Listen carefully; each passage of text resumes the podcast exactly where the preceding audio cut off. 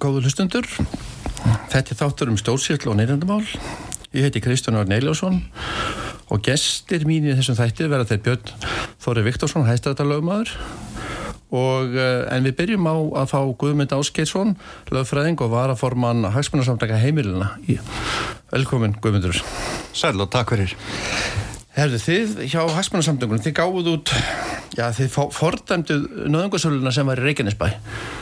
Já það er rétt. Í hverju, hvernig hljóðar það plagg? Hvað eru það að fordama og hvað eru það að segja? Sko, það er nú rétt að taka það fram til að byrja með að við settum í þessari yfirlýsingu þann fyrirvara að, að við að sjálfsögðu höfum ekki upplýsingar um öll smáatriði málsins og, og í rauninni vitum lítið um hvað býra baki annað en það sem kom fram í fjölmiðlafum fjöldurunni. En að því sögðu þá þykir okkur blasa þarna við að, að, að eh, það er eins og á öllum stegum hafið ofinbæra kerfið einhvern veginn sko brúðvist, það hefur hverki á neinu stígi og, og það er alveg ljóst að þetta máli hefur átt mjög langan aðdraganda. Og það veriðist vera sem á, á, á engu þeirra stiga hafi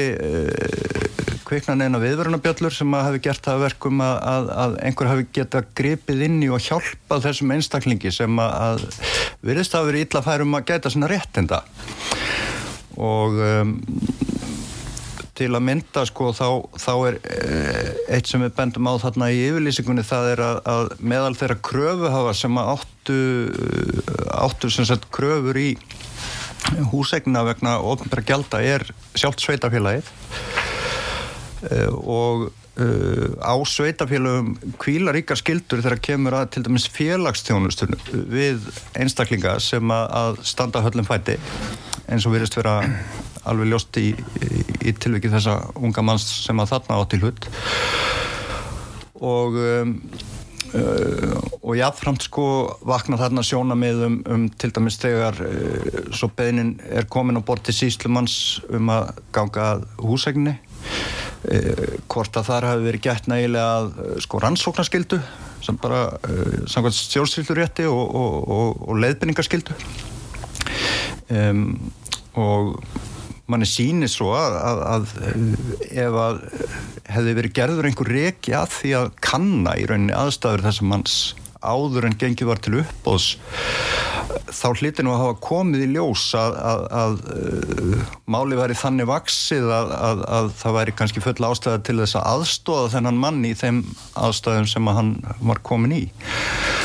Og um, og eins og segir sko, rannsóknarskildan er lögbundin og, og, og hérna og þó, þó að það sé nú reyndar undan þá að fyrir síslumenni í, í svona aðfragerðum í stjórnsísluunum og þá gilda einhvað síður óskráðareglu stjórnsísluréttar og, og þar undir er þessi rannsóknarskilda og jáfnframt leðbynningaskilda og, og uh, það er nokkið ástæðuleysu sem við bendum á þetta vegna þess að við höfum uh, í rauninni öll árin frá bankarhuninu þegar að samtökjum voru stopnud verið að, að fást við ímis mál þar sem það er um að ræða aðfargerður og nöðungasölur og, og, og það sem okkur hefur fundist að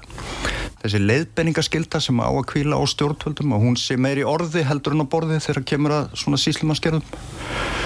og, og, og þó þessi ótt skráð í gerðabækunar hjá síslumanni að, að leðbenningarskildu hafi verið gætt þá verist það bara að vera staðlaðu texti já, sem já. færður inn og, og án þess að það hafi endilega verið í raun gert og um, nú og svo enn fremur í ljósi þess að þarna erum að ræða í þessu ákveðna tilvíkja á þess að ég vilja fara út í mikið út í efnisatriði þess þá erum að ræða fallaðan einstakling. Og Ísland hefur nú undirgengist uh, samning saminuðu þjóðana um réttindi fallaðs fólks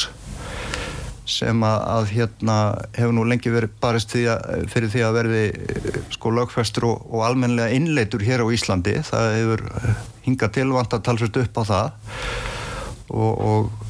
það er ekki fyrir en bara núna bara síðkasti sem hafa komið svona einhverjar yfirlýsingar og fyrirætlanir frá stjórnvöldum um, um að eh, gera betur í þeim efnum.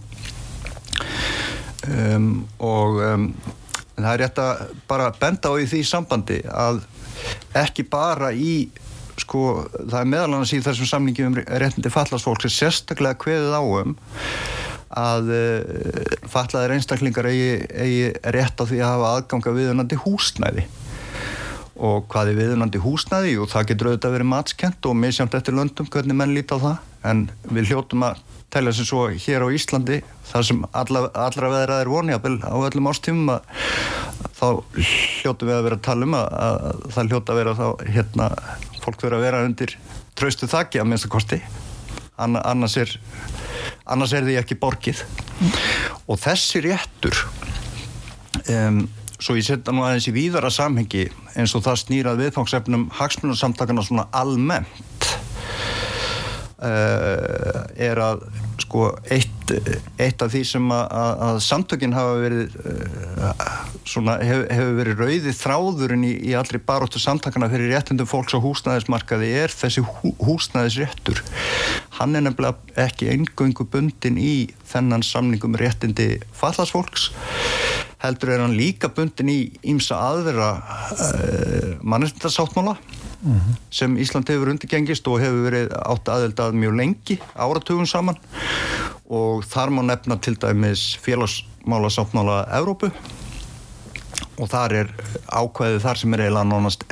sko, eins orðað og, og er eiginlega tekið orðrétt upp í samninginu réttindi fallara nema sásamningur er ekki einskóraður við ákveðna hópa heldur félagsmála sáttmála Európa, hann, hann gildir fyrir alla og þar að þau ekki er til uh, eldri samningur sem var gerður á ettvangi saminuðu þjóðana sem heitir alþjóðasamningur um uh, efnaðarsleg, félagsleg og menningarleg réttindi. Og uh, í honum er líka samljóða ákvæði eða, eða nánast orðrétt eins ákvæði sem hveður á um það að, að á um þennan rétt til viðunandi húsnæðis. Af því að það gefur auga leið að sá sem býr við húsnæðis óöryggi. Uh, það er svo opaslega hætt við að, að, að ef hann hefur ekki örugt húsnæði eða húsaskjóla að, í að venda þá er svo hætt við að hann fari á mis við margvísleg önnur réttindi þar að segja var, eh, varðandi bara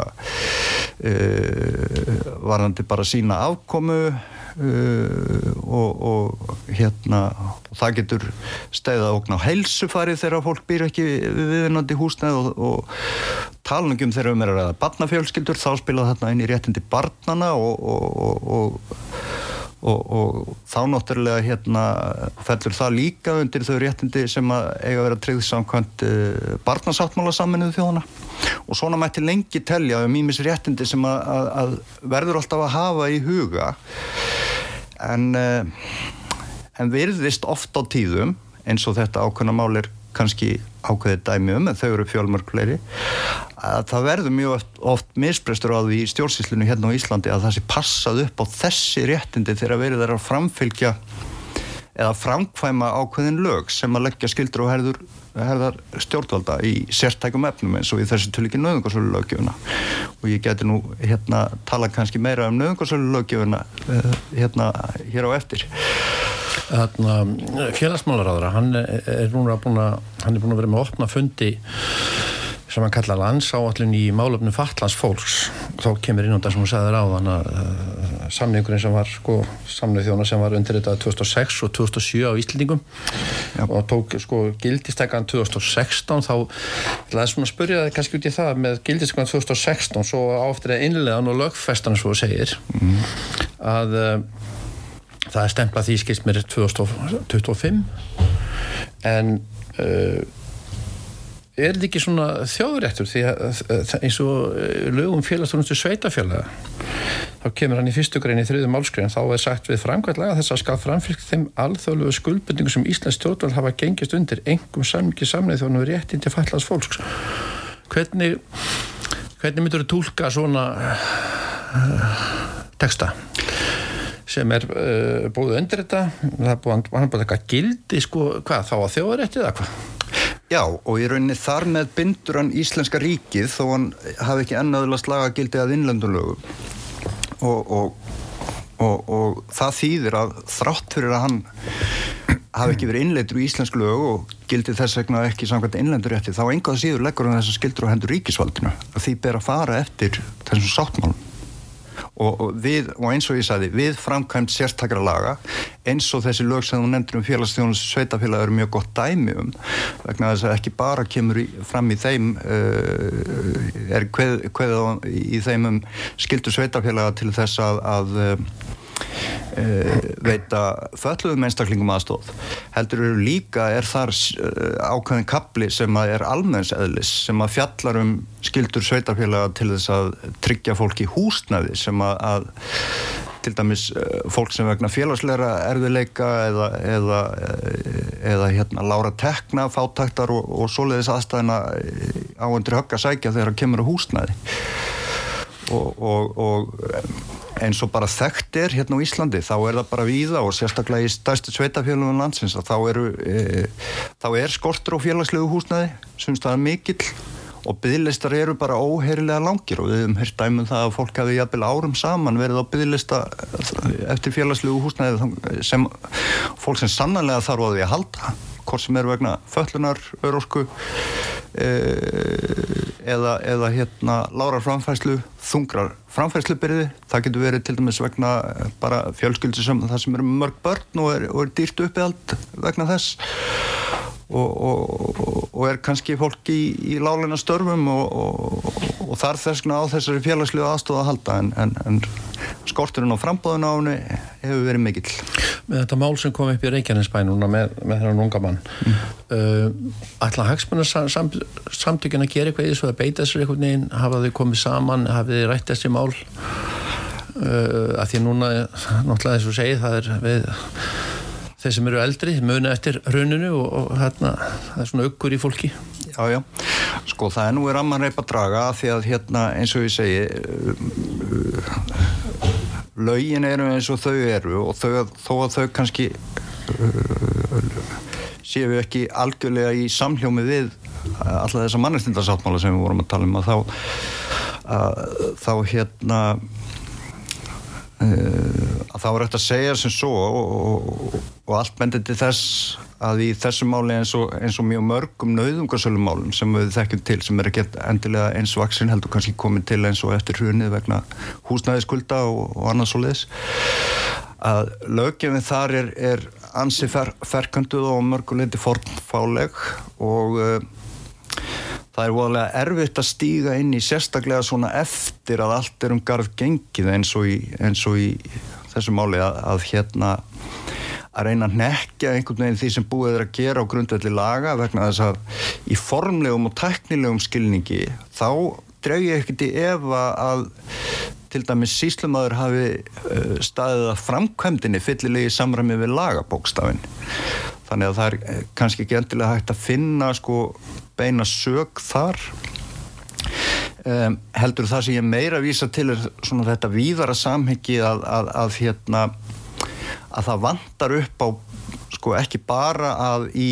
framkvæmdini sé hort til ekki bara þeirra laga sem verður að starfa eftir eins og í þessu tilvíkinu nöðungarslu lagana heldur viðra sammengist þessara mannetta sem að, að umræðir heldur vantar líka mjög víða upp á það að ákvæðum slíkt séu færið inn í viðkomandi sérlögjöf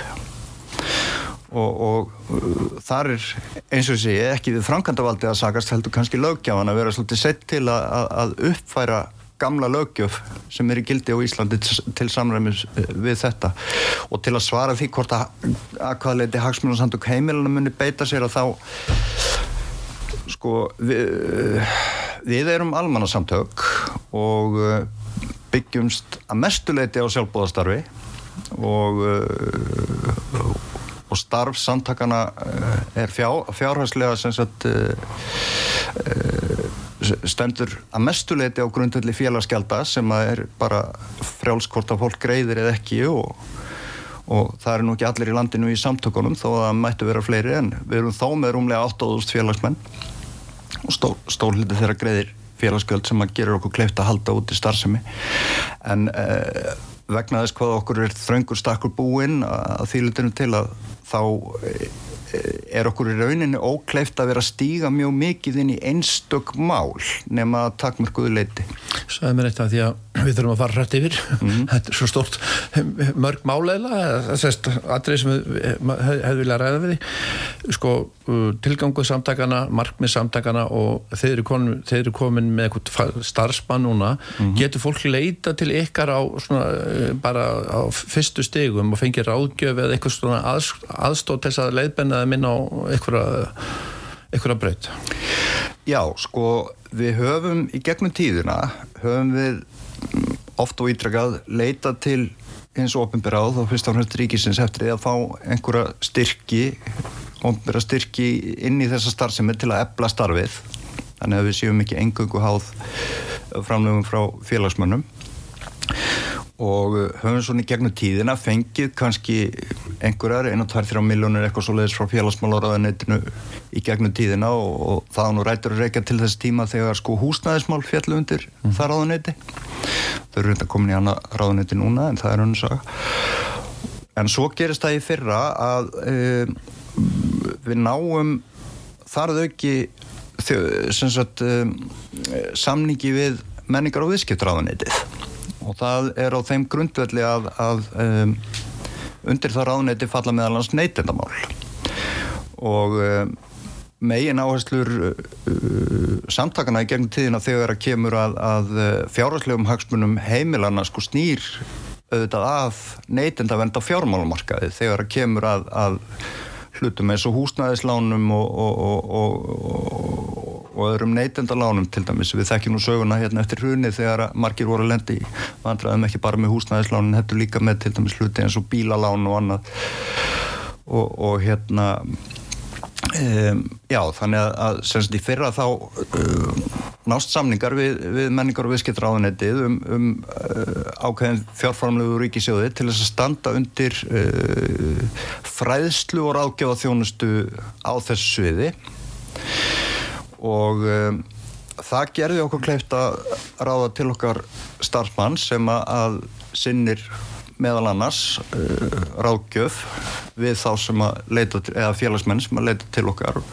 Og ég vil nú taka það fram að það getur hver sem er uh, sem er að leita eftir ráðgjöf varandi neytindavend og fjármálumarkaði uh, vegna heimilisins getur leita til okkar. En við kvetjum fólk að sjálfsögðu sem að það gerir að skrási í samtökinn og það er að finna allar upplýsingar um slíkt á heimasíðu samtakana heimilin.is og um, og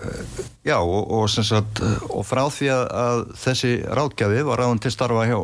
samtökunum að þá höfum verið að, við verið að bjóða upp á þetta fólk getur leita til okkar eftir, eftir ráðgjöf og leiðbenningum um, en vissulega sko það eru auðvitað takmörk fyrir því hversu mikla þjónustu við getum veitt hverjum og einum. Þannig að, þannig að fólk getur leita til ykkar. Fólk getur leita til okkar en það verður að hafa það í huga líka að við erum, við erum ekki ókeppis lögfræðistofa. Þannig að við getum ekki sko, við getum ekki farið alla leið í réttindagæslu í einstökum málum. Þannig að uh, aðstóðin og þjónustan sem við veitum fólki byggist fyrst og fremst á því að hjálpa fólki að skilja hlutina ef það er í óvissu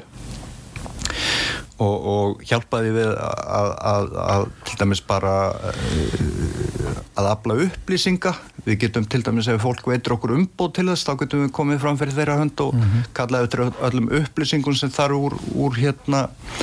úr kerfunum, hvort sem það er ofinbyrjukerfin eða bankakerfið og, og, og til þess að hjálpa því að leggja mat á þeirra stöð og getum svo leiðbendum um hvað það getur gert til að reyna leysumálum Ég sé hérna í uh, þegar hérna Harsmannsandök heimiluna sko þegar hafi lengi ítrekkað skor á stjórnvöld og að endur skoða lögum nöðungarsfjölu frá árinu 1991 Já. sem eru löngorðið bassins tíma Já. en með sko, hlýðsuna þeirri þróu sem eru orðið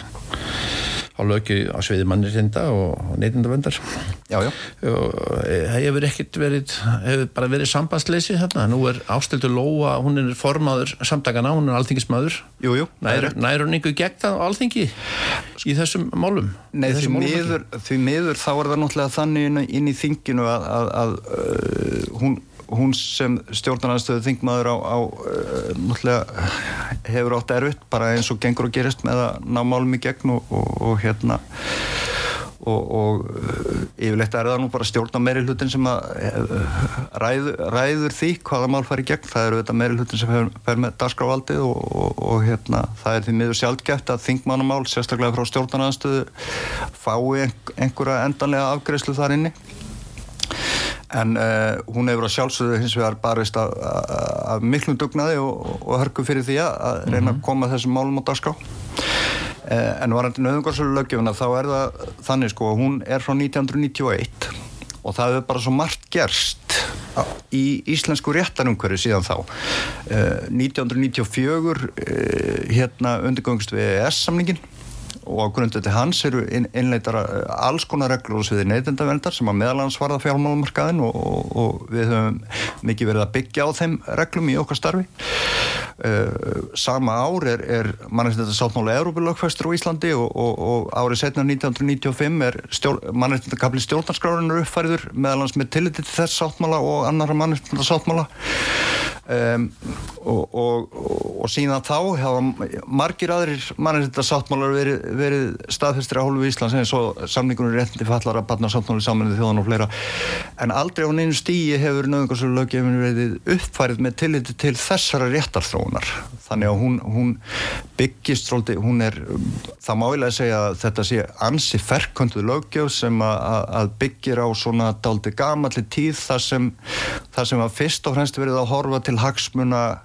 þar að segja kröfu hafa, hvernig uh, að gera þeim kleift að ganga þegnum fólks upp í,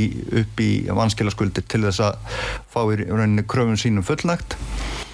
En minna hort til þess að reyna að vernda uh, þá sem að lenda í slíkum málum vegna þess að þeir séu í viðkvæmri stöðu sem að þeir ekki ráða sjálfu við. Maður með sér það að maður lesa því að, að svona, þetta eru stutt í frestir og, og hérna, uh, maður verður að passa þess að gerða þóli og þeir sem verða fyrir barðin á þessu lögum þeir verða gæta sín en, en saði meira svona eh, réttur gerða beðanda og þeirra sem er að krefast eitthvað sem er í gildi. En svo er síslum að sko, svo má hann gera hitt og þetta en það er sjaldan hann skuli gera það. Þannig að, að svona, þetta val mitt eftir í hug eftir hrun sko kom ekkur kom ekkur skipun og ofan um að ganga hart í þessi mál af því að nú getur síslumadur sko tekið til litt og, og, og verið mannlegur en að geslapa en mm. í fæstum töfillum meira það Ég, ég ætla nú ekki að ganga svo langt uh, að halda þið fram á þess að hafa neitt fyrir mér í því að það hefur komið einhver slík skipun á ofan heldur að hafa þetta meira verið bara svona að því að vennjan er að framkama hlutin og svona þá hefur það bara verið gert. En það sem að kannski gerðist í kjálfari hundsins að þungin í þessum málum var miklu meiri að því að það voru svo margir að lendi í þessu vandræðum. Og það auðvitað allir auknu álægi á síslumennar þannig að þeir kannski höfðu jafnvel bara lítið svigrum með tíma og þrekk til þess að gefa öðrum sjónamiðum gaum heldur en að bara framkvæma málinn og þess vegna hafið þau mörg bara gengið svolítið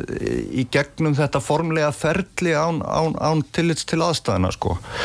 Eh, þannig að ég ætla ekki að eh, eins og segi, ég ætla ekki að treysta mér út í það í fullering, eh, fulleringar um eitthvað sem ég hef ekki hef ekki neitt fyrir mér í annað en það sko. En, en, en útkoman er vissulega og var þá sérstaklega í kjálfarhjónsins og getur orðið í sumu tilfellum hansi ómanulega eins og hún byrstist fólki Mm -hmm. og en kannski að því að svo ég skjótið inn í að því að við erum að tala um nöðungarsvölu lögjöfnu og líka þegar kemur að bara aðfara gerðum og, og, og, og erum svona innheimtumálum almennt hjá fólki að, og að því að það kom fram hérna áðan að, að við bjóðum upp á þá þjónustu að fólk geti leita til okkar eftir leifbenningum og einhvers konar aðstóð svona að því við getum veitt þá vil ég brína fyrir þeim sem að þetta heyra að, að hérna að það er gríðarlega mikilvægt í slíkum tilveikum að þegar í óöfnistefnir að fólk leiti sér ef það er ekki fært um það sjálft að, að, að grípa til aðgerða til að reyna lagastöðuna að það leiti sér þá viðegandi aðstóðar sem fyrst þar að segja á fyrstu stegum það er því miður hefur í gegnum árin borið talsvert á því og, og verið alltaf algengt að fólk er kannski að koma og leita sér eftir aðstóðinni allt og seint. Þar að segja eftir að búið er að framkama hlutina. Um, kannski vegna nöðungarsölu sem er löngu búin að eiga sér stað og vegna þess eins og þú saði réttilega hérna áðan að þá eru allir frestir frekar knappir í þeirri lögjöf til þess að, gera eitthvað í málunum að, þá er því miður þegar allt er um garð gengið þá er eiginlega langottast allt, orðið allt og sent að, að, að gera eitthvað í því sko. þannig að þessna brýn ég fyrir fólki sem að áþarf að halda að leita leita sér aðstóðar eða þarf á að halda e, sem allra fyrst þegar í óöfnistefnir Þetta er svona samvinna á fyrstu stuðum leiður þetta komið fram að söp og þá er ekkert að gera nema bara að gera það beðandi afturkalli. Það er ekki frestir og ekkert að gera. Já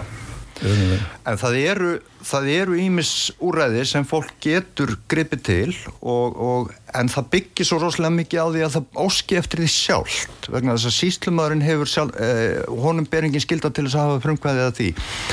Eitt sem til dæmis ég myndi vilja nefna, eh, svo við tökum nú aftur þetta dæmið þarna eh, frá Reykjanesbæ sem hefur verið í fjölmiðlunum að, að, þar til dæmis gerist það að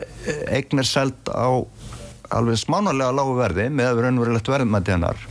Við höfum miklu hverjum dæmi um slíkt bráði í kjálfar hrunsins að sambarilegi hlutir átt sér staði mann eftir eh, einbílishúsi sem var selgt á 2 miljónir en ef það hefði farið á fullu verði þá hefði það fyrir öllum ákveðlandi skuldum og, og í rauninni samkvæmt lögunum þá á að gera skuldirnar þannig upp bursið frá því hvað uppásverðið er. Þá á að gera uh, skuldirnar upp með raunverði húsnæðisins. Og, og hérna en það hefur ekki verið alltaf gert og það hefur verið misbrestur og því og engin eftirfyrkli með því. En, en hérna en í svona tilvíkum eins og þessu bara svo ég noti þessi dæmi þá hefði verið borðlegjandi fyrir viðkomandi ef hann hefði e,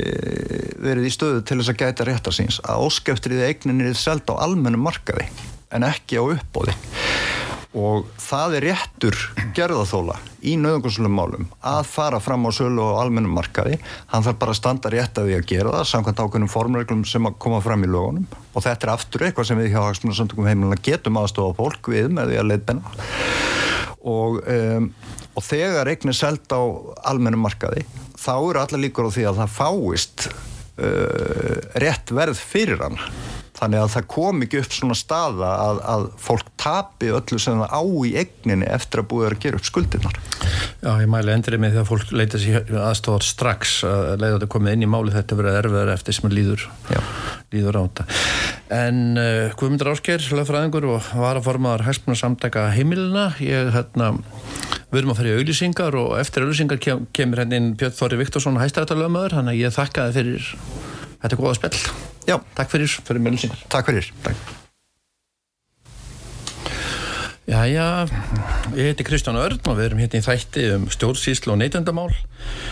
Og í ferri hlutunum var Guðmundur Áskinsson hjá mér, lögfræðingur og varaformaður hægsmannasamdaka heimilina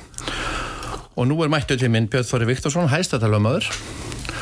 og fasteinarsali líka. Já, kontu sæl Já, blessaður, velkomin í þáttinn. Takk fyrir. Takk fyrir að bjóða mér. Já, það er bara gaman að fá þig. Ég hérna, við höfum verið að ræða þetta mál í Reykjanesbæ.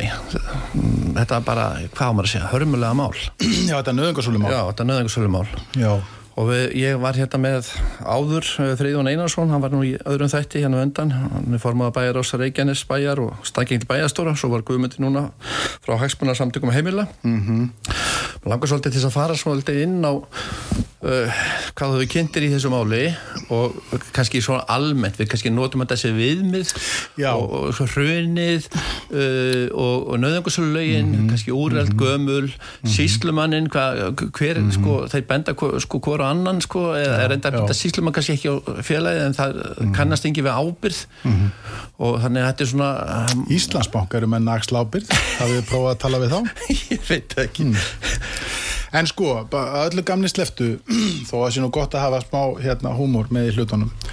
uh, sko, ég, ég ætla að byrja á því að segja það Kristján að ég, ég, ég þekki þetta tiltekna mál sem að þú vísar til þarna úr, úr Reykjanesbæ ekki neitt. Að öðru leiti en því sem ég hef séð bara einhverjar umfjallanir í fjölmiðlum. Ég hef ekkert verið að leita að einhverjum umfjallum eða, eða neinu slíku þannig að ég þekki það mál ekkert að öðru leiti en því sem þar hefur komið fram. Uh, ég heyrði reyndar í í, í sjónvarsfréttunum í, í gerðkvöldi minni mig að það við verið að, að, að því það var eitt sem að mér fannst kannski vantadálitið inn í myndina Uh, og nú eru þú að stoppa mig að því að ég heyrði ekki samtali ykkar guðmundar hérna, lögfræðings uh, varaformans hagsmunarsamtakana hérna áðan. Kannski er hann búin að útskýra fyrir þér sko hvernig nöðungarsölu ferli fer fram frá upphafi. Uh, það, það er mikilvægt að hafa það bak við, bak við eira sko. En í stuttumáli er þetta þannig að, að það er rétt að laugin eru þetta ekki, ekki ný, þau eru síðan hérna, hérna réttafarsbreytingin var gerð hér um 1990 að meginstofni til eru laugin síðan þá einhverja smá breytingar um, og þetta er þannig að, að nauðungarsölu ferlið uh, eins og það hefur verið gert á Íslandi í gegnum áratugina uh, er þannig að, að, að það, þetta er auðvitað ákveðin þjónusta við kröfuhafa við þá fjármakseigundur og kröfuhafa sem ríkið veitir sem framkvæmda allt og, og það, það eru bæði hérna, auðvitað er það gert til þess að gæta þess að, að þegar að, þegar að hérna Uh, kröfuhafi sem að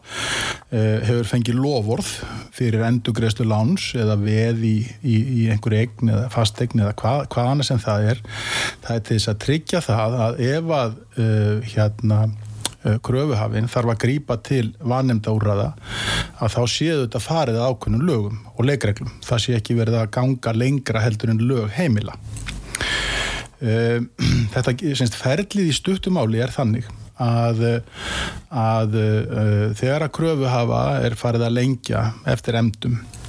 hvort sem það er vegna greiðsluna af lánum eða, eða vegna lögbúðina gjalda eins og mér skilsta sér þarna um að ræða fastegna gjöld og tryggingar og eitthvað slíkt að þá getur hann ef að, ef að hann, auðvitað megin reglan svo að, að menn beina fyrst auðvitað ítrekkuðum greiðslu áskorunum til uh, fastegna reyndans eins og þess til að geða skuldar almennt.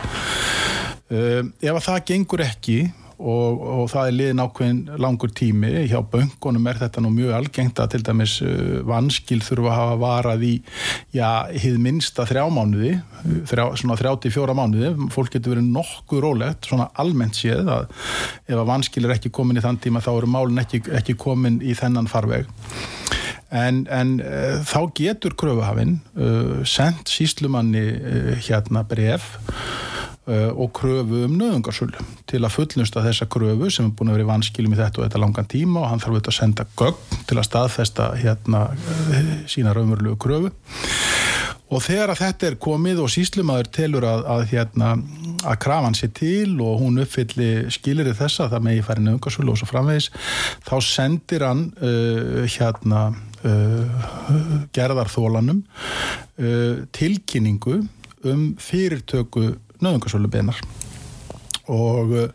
þetta hétt nú fyrsta, annað og þriðja uppbóð í gamla daga en í dag heitir þetta semst fyrirtaka nöðungarsölu beinar. Og uh, þetta er sendt með ábyrðabrifi og það er alveg, alveg semst gengið mjög eftir því eða stefnuvotti eftir aðdökum þannig að það er gengið eftir því að þessi tilkynning berist raunverulega.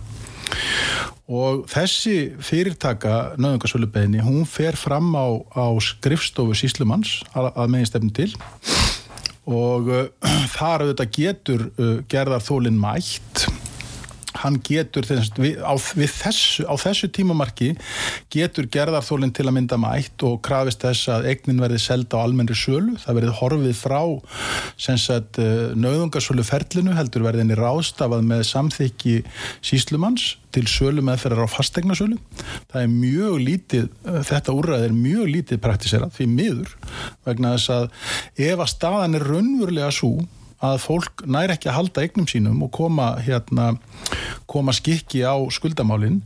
þá er almennt séð miklu betra að eigninni sé ráðstafaði gegnum fastegnasölu bara í hefbundinu söluferli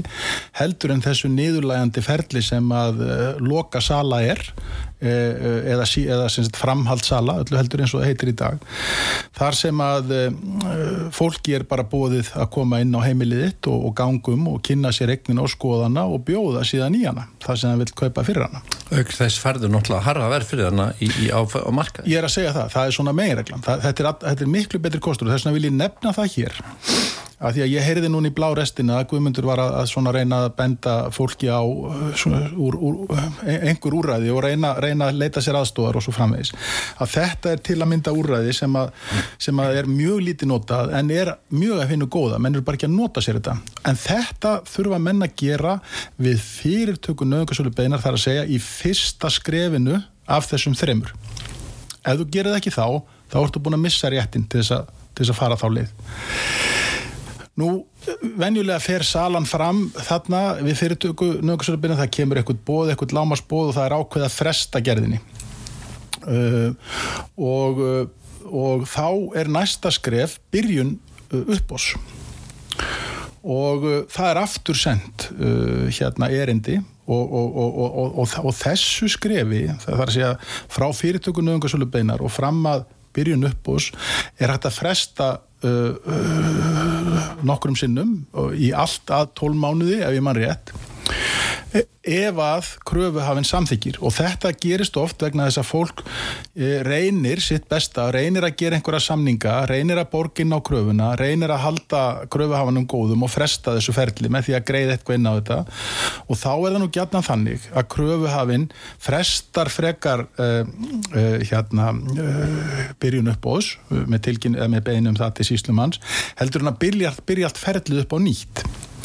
og uh, en, en, en við ytri mörg þessa hérna uh, þessa skrefs þarf uh, byrjunin að fara fram. Og þegar hún fer fram og er, það, það er þá önnur fyrirtaka hjá, hjá áskrifstofu síslumanns að þá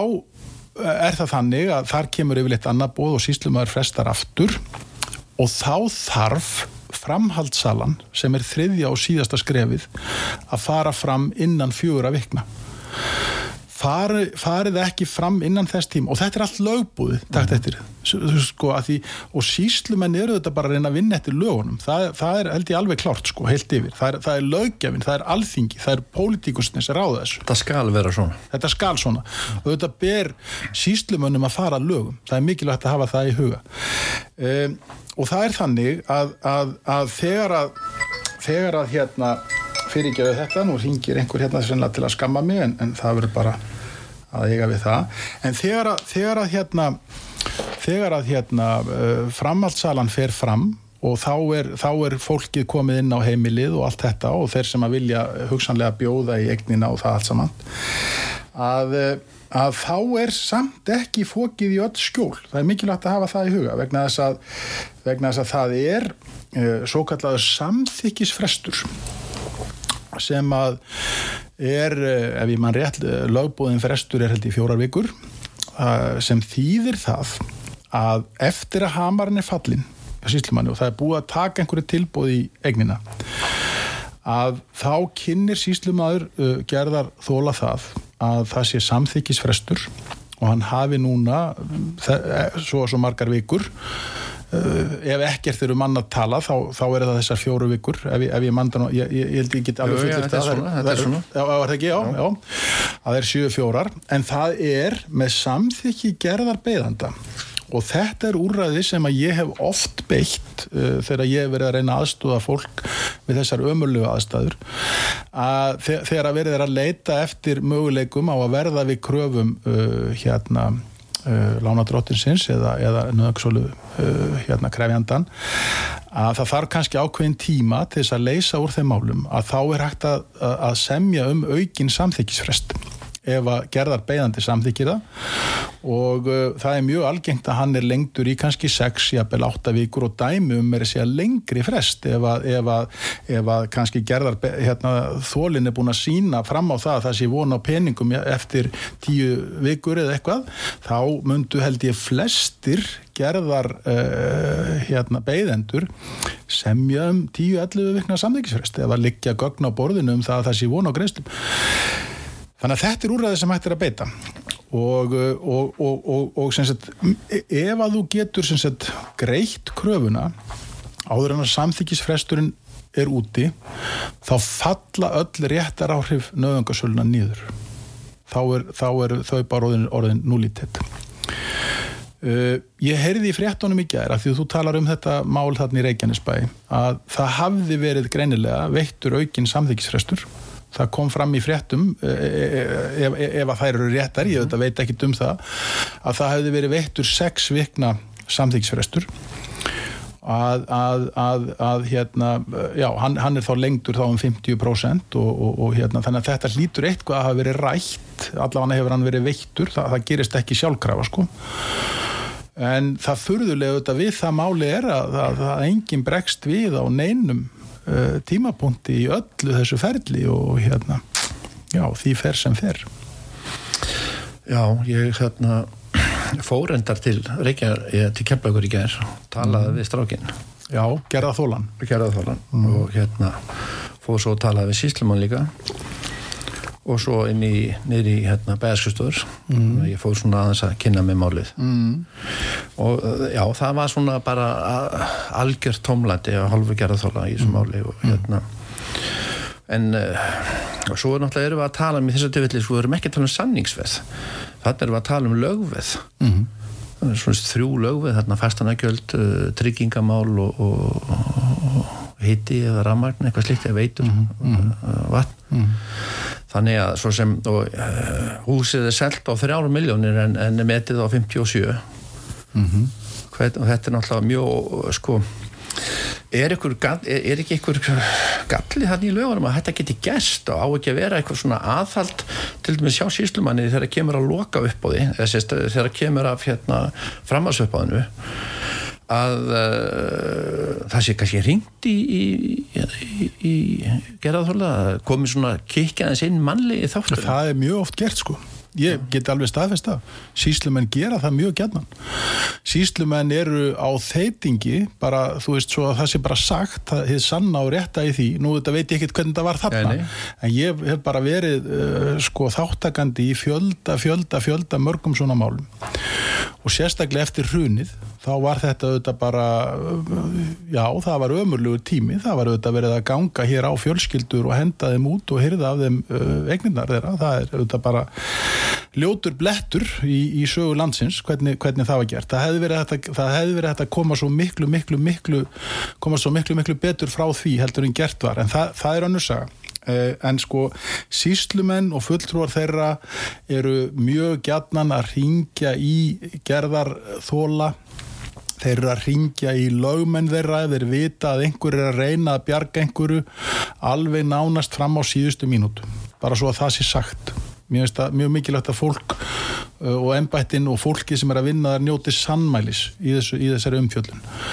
um, uh, það er gert. Uh, ég, ég auðvitað veit ekkert hvað hva gerðist þarna eins og ég ítrekka bara hér en, en, en einhverjulega vegna var, einhver hefur átt frumkvæðið að því að annarkvört að óska eftir eða veita aukinn samþyggisrest sko, ég veit ekkert auðvitað hvernig það fór fram en auðvitað er niðurstaðan skjálfileg og, og fyrir, það er að segja fyrir þennan hérna, gerðar þóla en þeimun undarleira er að enginn skuli hafa brúðist við, korki hann nýja hans nánustu sem að fréttum að dæma verðast hafa átt verulega hagsmun undir sem íbúar í þessu húsi Er ég ekki að skilja það rétt? Var ekki fóreldrar hans og einhverju fleiri fjölskyldum meðlumir? Ég kann nú ekki þessa sögu nema bara það sem hefur byrst í fréttunum sko. Fóreldrarinn tala ekki íslensku þetta er fólku elendum uppruna og, já, já, og, og, já. Hérna, og hann er náttúrulega uh, fallaður og hérna er alveg að skattaður á, á höfði mm -hmm. með heila, heila skada já, já, já, þannig að þá koma þau sjónamenni inn, inn, inn í þetta sko, mm -hmm. bæði með síslumannin og svo sveitafélagið sko mm -hmm. að uh, það er bara sendt bref og, og það er kannski ekki kanna hvort að menn hafi fengið þá, þá brefið eða, eða... Jú, það eru sendt ábyrðabref sko. Þeim er komið til skila eða stefnu áttur sko. Þa, það er alveg í föstum skorðum sko. En auðvitað er það þannig að, að, að, að hérna sko eins og með stefnuvott það, það er líka mikilvægt að hafa það, það er auðvitað aldrei en 100% trygging að hlutinni berist raunverulega í hendur uh, gerðarþóla vegna þess að það er bara eins og þú byrtir stefnur og, og stefnuvottar er á ferða þá er nóg að byrta það bara einhverjum sem hittist fyrir í, í, í, á heimili viðkomandi. En ef við tökum síslumann sem í þessi döldi ringd ekki hann mm -hmm. var ringd ekki, hann var ekki að gera hvað hétt hann sem var á Selfossi? Var Andres Valdimarsson? Mm. -hmm. skist að hann hefði hann, hann ringdi alltaf, hann, hann fór ekki upp á framnum, Já, hann ég- talaði bara við gerðarþóla, hann Já, bara ringdi heyrði gerðarþóla og hann, hann var aldrei framkvæmt aldrei sölu nema hérna, bara væri búin að ræða við, viðkomandi sko. En ég, já, nú þekki ég það ekki, en ég get staðfist það að, að, að margir fulltrúar hjá síslumannum á höfborgarsvæðinu hafa haft þennan hátt á í gegnum tíðina. Eh, Ég veit ekki hvernig það er nákvæmlega í dag, en til að mynda á þessum árum eftir hruni, þegar ég var sem mest að sinna þessu, þá var það bara mjög algengt. Ég, auðvitað er það bara einhver innanhúsregla, ég meina það er ekki, ekki lögbúðin skilda, skilur en, en það er auðvitað það er auðvitað uh, segi ég að nálgast hlutin á mannlegan hátt að, að reyna bara að heyra í viðkomandi og, og átta sig aðeins á því hvort það er eitthvað einhverju möguleikar í stöðinni Hvernig í þessu máli til dæmis um, eða svona svipuðu málum um, já þessu máli uh, þetta eru er annars vegar síslumadur sem að fyrir sig allir ábyrð finnst hann ekki að hafa gert neitt ránt og svo sveitafélagi sem að finnst það ekki að hafa gert neitt ránt en, en, en svona mér skilst á að, báðir vilji alltaf vinka hver öðrum í framtíðinu með þetta og, og hérna taka upp annað uh, eitthvað fyrir krónan hafa ebla samskipti þannig að milli sem er bara gott mál. En er þetta bara alfarið gerðaþóla að kenna þetta tómlæti það sem hann er fatlaður og, og Ég ætla, ég, ætla ég ætla ekki að dæma um það Kristján og ég, ætla, ég, ég er ekki komin hinga til að, að segja sko, hver beri ábyrð á þessari ömulugu stöðu sko. uh, ég meina maðurinn er sjálfráða og fjárráða skilji ég þetta rétt. Uh, og, og hérna og, og já uh, ég, ég, ég bara, ég, ég get ekki svara því. Þetta er auðvitað bara skelvileg staða og ömuleg mér skilst þessi búið að leita til þessa útgerða mann sem að kefti eignina og hann vil halda bara fast við sinn keip og, og telur sér bara í góðum málum með þetta. Menn auðvitað væri það ein leið ég meina síslumadur á ekki gott með eh, eða nokkur annar að grípa inn í og, og losa upp á því sem búið er að gera. Þetta eru bindandi hlutir sem gerast. Er- frestir líða og þess aftar er ekki eitthvað í aðfaralögum að síslum að skuli gæta að þessu og eða þá nöðungarsölum hann skuli sk- gæta meira uh, að þessu og til að selja ekki selja ekki á undirverði og, og hérna Nei, nei, finna- nei, nei, nei, sko, það, því, það er ekki og, og, og, og sko, að því að, að því að ég heyrði nú að, að, að, að Guðmundur hérna sagði hér áðan að, að, að það, það, hefði ekki verið, að lögin hefði ekki verið uppfærð uh, og, og, og, og, semst eftir, eftir hrunið meðal annars og, þess að og það er, það er auðvitað alveg rétt hjá honum og, það er auðvitað verið að innlega hér allskins hérna uh, réttar bætur í þáu neytenda í gegnum Evrópusamstarf okkar og það er auðvitað daburlegt að, að, að það skuli allt þurfa að koma í gegnum Evrópusamstarf, bara svo að það sé sagt. Uh, af, hverju, af hverju eru íslenskir uh, ráðamenn, alþingismenn og embætsmenn ekki jafn uppteknir af því að, að mæla fyrir um neytendavend á Íslandi eins og einhverjir komissarar hjá Evrópusambandinu? Hefur velt því fyrir þér? Við sem þekkjum öll hvert annað og okkur þarf þetta að vera svona út í heimi þar sem enginn þekkir neitt og það er mikil fjarlæð á milli aðila þaðan koma uh, alla réttarbætur í þá almennings og neytenda þetta er mjög furðulegt sko, satt að segja. En, en það er alveg rétt hjá Guðmundi að það, það, það, það, voru ekki gerða neitt miklar breytingar uh, á, á, á nöðungarsölulegunum eða, eða aðfarar uh, kerfinu, nöðungar og fullum, fullnustu, eða semst aðfarar og fullnustu kerfinu eftir hrunnið þó voru þar gerðar uh, nokkra breytingar sem skiptu máli og, og uh, kannski svo helsta sem var svona ákveðin plástur reyndar uh, var svo að, að, að fólk fekk heimil til þess að leia eignirna sínar í heilt ár eftir nöðungarsölu uh, gerðar b- hérna, beigðendur og, og, og þeir sem keiftu eignir á nöðungarsölu voru bundnir af því að, að þurfa að ráðstafa eignunum við fyrirfram ákveðnu verði sem að síslumadur ákvað í, í alltaf, alltaf 12 mánuði og síðan var annað atriði sem að, sem að hérna, uh, nýtist því miður ekki þessum unga manni um, en, en það var það að það var þannig uh, áður að, að uh, í nöðungarsölu lögunum var ákvæði þess efni og þetta er, mjög, þetta er hundgamalt ákvæði þessi efnis ef við tökum bara sem dæmi að það er það er, það, það, það er, bara verið að segja maður sé verið að selja 50 miljón krónar fastegn á nöðungarsölu það er einhver kröfuhafi sem á veðinni fyrir 30 miljónir og hann kaupir hana á, á, á 25 miljónir á, á nöðungarsölu uh, þá var honum uh, sagt, uh, það var þannig áður og svo selda hann á 50 skilurum, þannig að hann fekk 50 miljónir uh, og, og grætti þar á leðandi 20, ekki satt? Samkvæmt mínum útrykningi og, og en gatt síðan haldið áfram að rukka nöðungarsölu þólan um þessar 5 miljónir sem vantaði upp á samkvæmt nöðungarsölunni og til þess að verjast þessu þá þurfti uh, hérna þólinn Nöðungar, sá sem varð fyrir nöðungarsólinni sem er auðvitað nýbúin að missa heimili sitt og í mjög viðkvæmri stöðu jafnvel með fjölskyldan á gödunni að hann þurfti að höfða mál til þess að fá felda nýður skuldina skilur þau mm -hmm. þessu var breytt í tíð augmundar Jónassonar mm? Uh, með minnir í áslokk 2010 þegar hann var dómsmálaráður og, og uh, þessu var breytt á þann veg að núna er það þannig að þegar þessi staða kemur upp þar að segja að kröfu hafi uh, hérna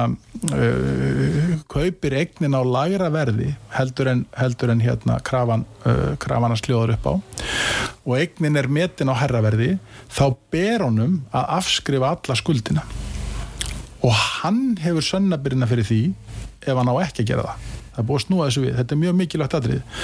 vegna þess að mér er ekki kunnut um að á allir þessari tíð þá í raun og veru um uh, 20 ára skeið uh, í, gild, í lagana að, að nokkur um nöðungarsölu þóla hefur tekist að, að ná þessum rétti sín með málsókn uh, Hrunið, við vorum að tala um hrunið á 2008, nú eru leiðin hvað 15 ár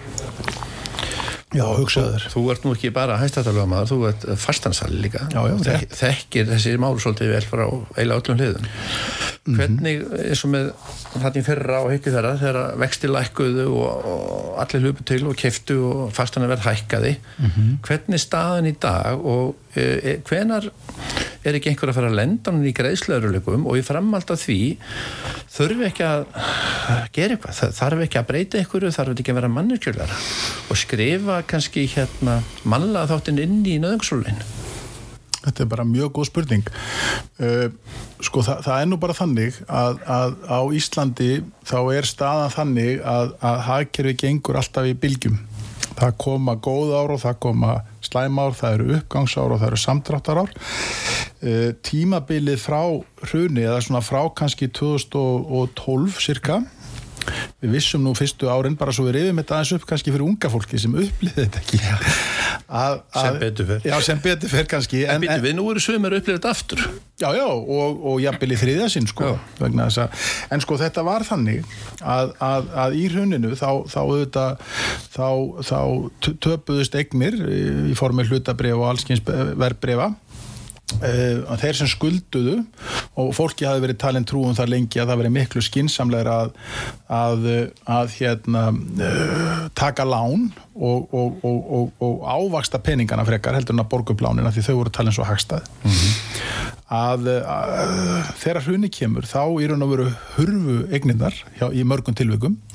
eða, eða lækkuðu mjög, eignaverið lækkaði mjög. Og eh, en skuldirnar sko jafnvel þreföldust. Þar að segja gengislánin japansku jenin þau þreföldust. Þeir sem skulduðu 30 miljónir þeir skulduðu allt í einu 90 og ef þeir hafðu átt kannski 50 miljónir í verbreyfum þá áttu þeir 0 þannig að eignastaðan þeirra fór kannski úr uh, hérna uh, pluss 20 miljónum í mínus 90 hmm, það var 110 miljónar svipla þetta er bara það sem gerðist. Þess vegna er sko lán á Íslandi er algjört ólán. Það má bara segja það. Fólk á að reyna að skulda sem allra minnst segi ég. En, en gott og vel, uh, það sem gerðist var það að, að innheimtu aðfarar og fullnustukerfin voru í upphafi kerð bara eins og ekkert hefði í skorist eins og enginn hefði sagt Guð blessi Ísland eða, eða, eða, eða væri neinn krísa í gangi. Það er alveg ótrúlegt hvernig fólk í stjórnsýslunni og embætsmenn og, og allskins fulltrúar og komissarar í stjórnsýslunni geta í raun og veru látið bara eins og ekkert hafi ískorist þrátt fyrir að öllum sé ljós neyðin. Þarna voru dráttavextir 25% sko. Þannig að you ain't seen nothing yet sko. Stýrivextir Sælabankans fór í 22% eða 21,5 mögulega ef ég mæta rétt. Þannig að við erum alls ekki komin á þennan stað sko. Þannig að ef við förum á þennan stað aftur þá hefur við eftir að upplifa sko, heilmikið súrar ástand. Þurfum við ekki að gera eitthvað rástafan þá strax, þurfum við ekki að undibúa þennan, Já. hvað maður að segja? Já, fólk ætti að vera undirbúið sig, allir eiga að vera undirbúið sig, sko, fólk verður líka, Kristján, ef við ætlum að lifa í frjálsu landi, þá verður við líka að bera einhverja ábyrð á okkur sjálfum. Fólk ætti núna að vera að borga niður skuldir, selja dýrar eignir ef það er ennþá hægt, skilurum, og, og reyna, reyna að hafa einhverja forsjálni sjálft. Við getum ekki endalist bent á stórabröður, ekki nema við viljum missa bara öll okkar völd og sjálfstæði í hendur stórabröður. Viljum við það? Nei, Nei. við þurfum að koma okkur í skjól. Við verðum að koma okkur í skjól sjálf, við verðum að vera meðvituð um ástandið, ekki láta bara reka á reyðanum endalust. Eitthvað að lókum, Björn Þóri? Er þetta búið? Já, tími líður ég, ég, ég, ég get tala við endalust, en ég bara þakka fyrir að fá að koma og, og hérna, og ég, seg, sko, ég vil segja samt, sko, veist, þrátt fyrir að staðan sé um margt súr, hún er sannarlega hefur hún súrnað, þá er Ísland samt land tækifærana. Það er bara þannig. Og, og, og það er að koma hinga fólk af ellendu bergi sem er að grípa þessi tækifæri og, og, gera mjög góða hluti. Ég sé það sem fastegnasali, fólk er að kaupa sér, uh, fólk bara eftir þrjú, fjögur ár þá er það búið að búa sér til sko eigifjö í útborgun. Duglegt fólk sem er duglegt að vinna, fer sparlega með, er jafnvel á leigumarkaði en á meðan er kannski forréttinda hópar ákveðnir sem eru uppteknir að því hvað allt sé erfitt auðvitað er þetta vissulega erfiðara núna heldur en þegar vexti, stýrivextir eða almenni vextir í bankakernu voru 3,5% auðvitað, en við gátum aldrei rekna með því að þeir eru þannig endalust Kristján, þú ert vonandi sammála mér í því, þú ert nú eldri en tvævettur sjálfur eins og á hærum á sjá. Já, það? Herðu, herðu fyrst hún komin í ykkur leiðindi þegar ekki bara segja, segja þættinu lokið í dag. Heyrðu, takk fyrir mig, gaman að koma að hitta þig Já, ég þakka Birnir Þorra Viktórssoni, hæstrættalumanni fyrir komin í þáttinn og ja, fyrir þættinu var hjá mér Guðmundur Áskilsson lögfræðingur og var að formaður hagsmuna samtaka, he, samtaka heimiluna bara að reynisinni þakka ég fyrir útsendingu og hlustundu fyrir hlustununa verið ég sel